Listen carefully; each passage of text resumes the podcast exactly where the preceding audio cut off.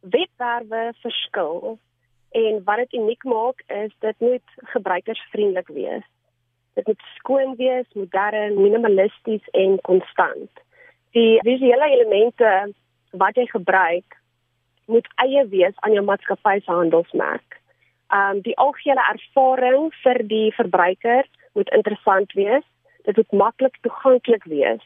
Um maklik om te gebruik. Jy wil nie te veel knoppies klik of druk um vir inligting wat jy wil kry nie. Mm. Dit help as jy unieke foto's gebruik en nie net 'n foto wat jy van die internet afkry nie en visueel aantreklik en vertoon altyd jou beste werk en produkte en dienste wat jy lewer. So baie mense dink altyd hulle kan dit doen dit jouself koning of koningin wees waar hulle dink hierdie dinge is sommer maklik. Maar gelukkig is dit jou werk. So hoe help iemand soos jy, 'n grafiese ontwerper, iemand wat hulle eie webwerf wil skep?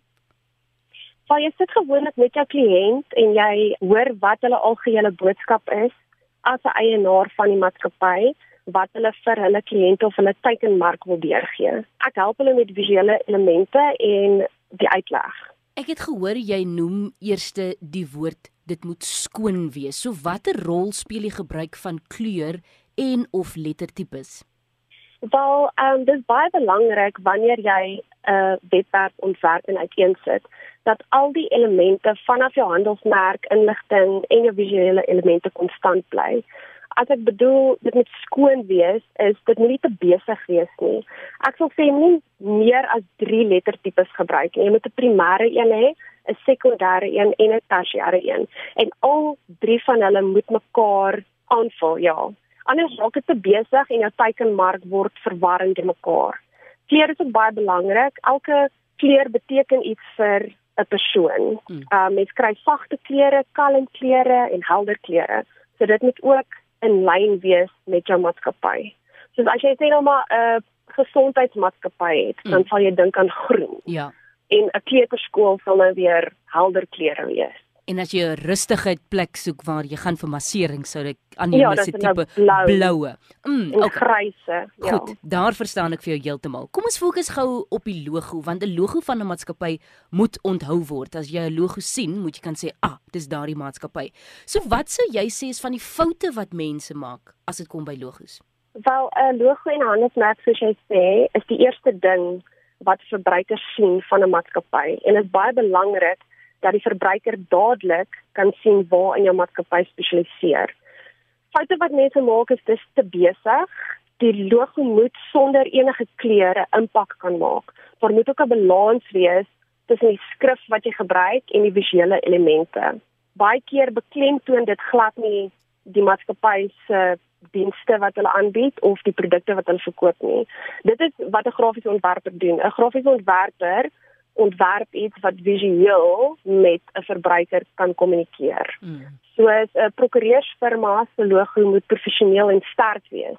Dit kan nie snaakse karaktertjies in hê nie want dan gaan die verbruikers nie die die firma ernstig opneem nie. En kyk maatskappye wil altyd vernuwe en met die tye bly.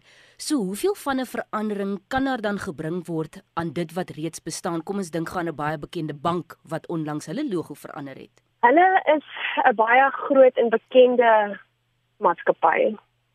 Dit is verstaanbaar dat mense met tye en modes wil bly. Ek persoonlik sal sê jy moet jou webblad elke 3 jaar opgradeer want tegnologie verander ook net soos wat die modes verander.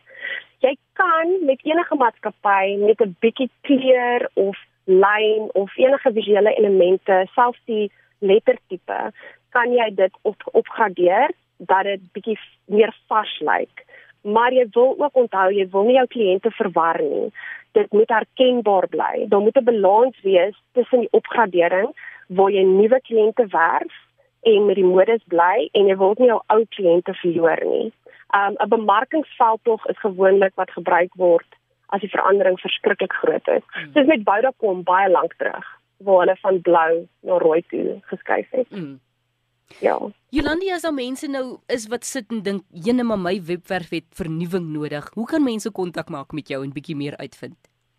Wel, hulle kan my kontak op my e-posadres. Dit is info@itsandart.co.za.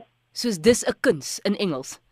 Ja, dis 'n kuns in Engels. Goed. Um uh, hulle kan my ook op al my social media blaaie kry, Facebook, Instagram en Twitter.